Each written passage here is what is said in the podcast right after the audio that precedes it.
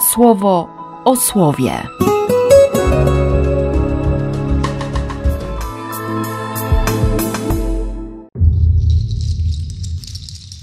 Szesnasty grudnia, czwartek.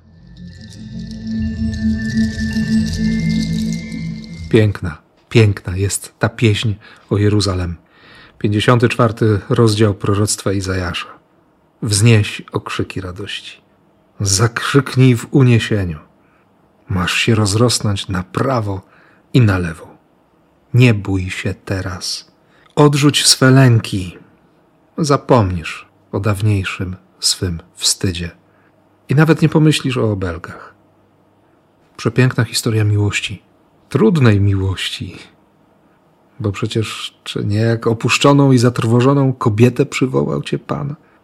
Albo jak pogardzaną od młodości żonę? I mogło się nawet wydawać, że to on odrzucił, że on był rozgniewany, że się odwrócił, że, że nie chciał patrzeć. Ten krótki czas, o którym czytamy w siódmym wersecie, może trwać naprawdę długo, nawet do końca tego życia. Ale na szczęście to życie nie wyczerpuje całego tematu życia. Nie wyczerpuje miłości. Dlatego góry mogą się przesunąć, pagórki mogą zmienić swoje miejsce, ale miłosierdzie nie osłabnie. Przymierze pokoju nie zmieni się. Pan powiedział: Jestem ci życzliwy. Koniec, kropka. Dobrze jest e, posłuchać tej, tej pieśni, tego wyznania, tego tekstu w kontekście wcześniejszego rozdziału. 53 rozdział proroctwa Izajasza to jest, to jest pieśń sługi pańskiego.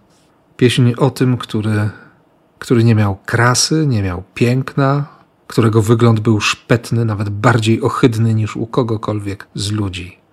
Wydawało się, że dźwiga chorobę, twarz wykrzywiona, wzgardzony, nie liczono się z nim. On dźwiga nasze grzechy i za nas cierpi, a my uznaliśmy, że dręczy go utrudzenie, bóle chłosty lub jakaś nieszczęśliwa choroba. On przyjął na swym ciele rany z powodu naszych nieprawości. To tekst bardziej na Wielki Post, nie? Ale nie da się przeczytać dzisiejszego pierwszego słowa, tego 54 rozdziału, bez wiedzy i bez kontekstu tego wcześniejszego. I to prawda, dotarło to do mnie dopiero teraz, już wieczorem. 18 już jest.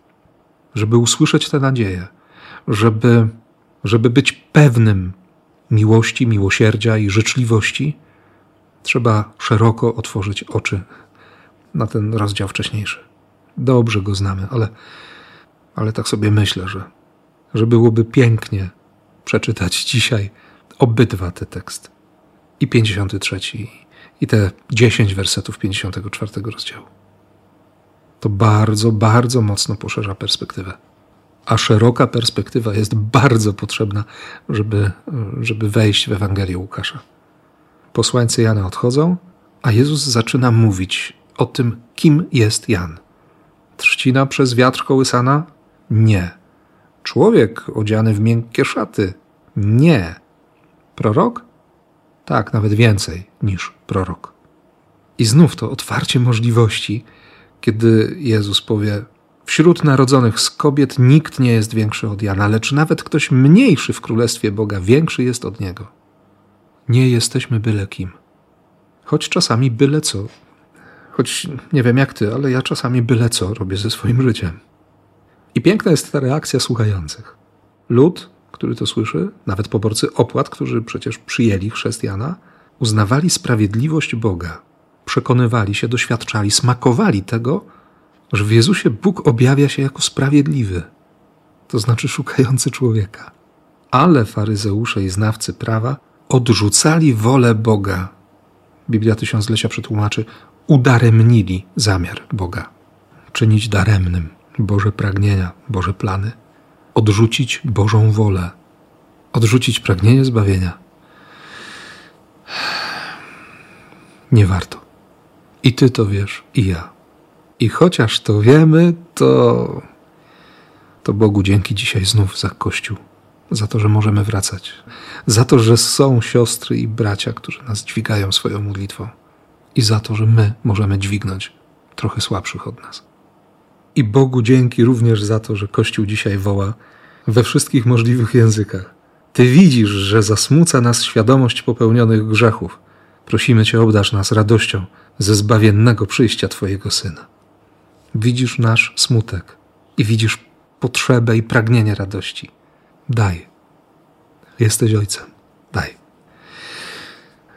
Modlę się dzisiaj o to bardzo szczerze. I w tej szczerości również Cię błogosławię w imię Ojca i Syna i Ducha Świętego. Amen. Słowo o słowie.